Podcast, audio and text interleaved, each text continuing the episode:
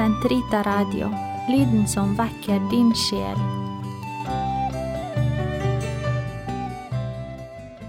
Den katolske kirkes katekisme, uke 51, torsdag 1655 til 1666.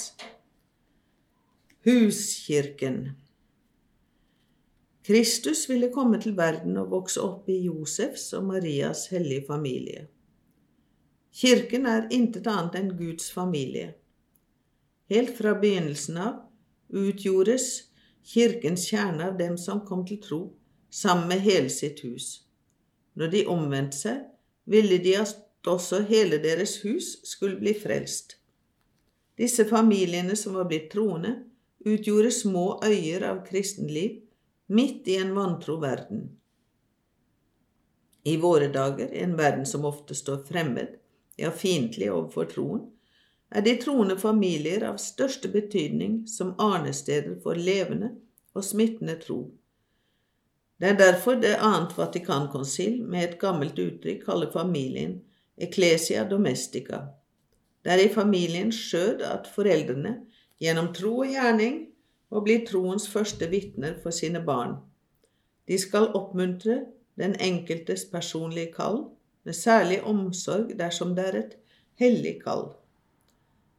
Det er i særlig grad her at farens, morens, barnas og alle familiemedlemmenes dåpsprestedømme utøves, ved mottagelse av sakramentene, ved bønn og takksigelse, ved et hellig livs vitnesbyrd, ved selvfornektelse og ved en virksom kjærlighet. Slik er hjemmet den første skole i kristent liv og en skole for utvikling av en rikere menneskelighet. Her er det man lærer flid og glede ved arbeidet, å elske sin neste og tilgi hverandre, om så gjentatte ganger, og fremfor alt å tjene Gud i bønn og ved å bære sitt liv frem for Han. Vi må også huske på visse mennesker som står Jesu hjerte særlig nær, og som derfor fortjener Kirkens og særlig sjelesørgernes oppmerksomhet og omsorg på grunn av de konkrete forhold de må leve under, ofte uten selv å ha valgt det, nemlig de mange ugifte. Mange av dem er uten noen menneskelig familie, ofte på grunn av fattigdom. Det finnes dem som lever ut sin livssituasjon i saligprisningenes ånd, idet de tjener Gud og nesten på en forbilledlig måte. Alle ugifte må hjemmenes, huskirkenes dører stå åpne for, slik som kirkens dører den store familie. Ingen er familieløs i denne verden. Kirken er alles hjem og familie, særlig deres som strever og er tungt å bære. Matteus 11,28 Kort sagt, den hellige Paulus sier, ekte menn, ha deres hustruer kjær, slik som Kristus viste sin kjærlighet til kirken. Disse ordene rommer et stort mysterium. Jeg tenker på forholdet mellom Kristus og kirken. Efesebrevet 5, vers 25 og 32. Ektepakten, hvor mann og kvinne oppretter seg mellom et inderlig fellesskap i liv og kjærlighet, ble grunnlagt av Skaperen og gitt særegne lover av ham. Etter sin natur er den innrettet til ektefellenes beste, samt for å unnfange og oppdra barn. Ekteskap mellom døpte ble av Herren Kristus opphøyet til sakraments verdighet. Ekteskapets sakrament betegner foreningen mellom Kristus og Kirken.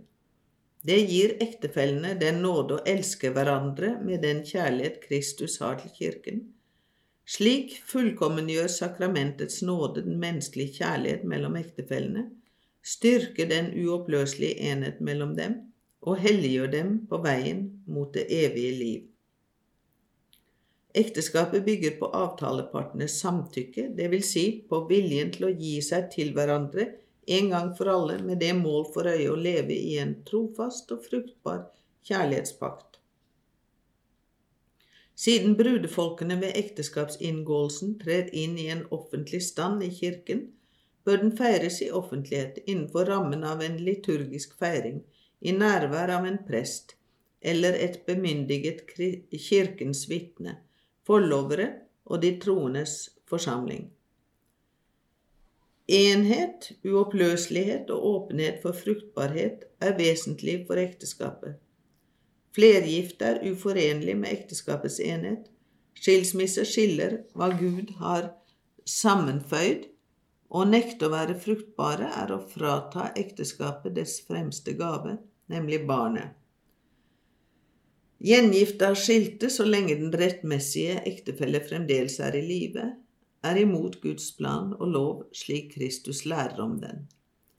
De er ikke atskilt fra kirken, men de kan ikke få del i den eukaristiske kommunion. De skal leve sitt kristenliv særlig ved å oppdra barna i troen. Det kristne hjem er det sted barna først får seg troen forkynt.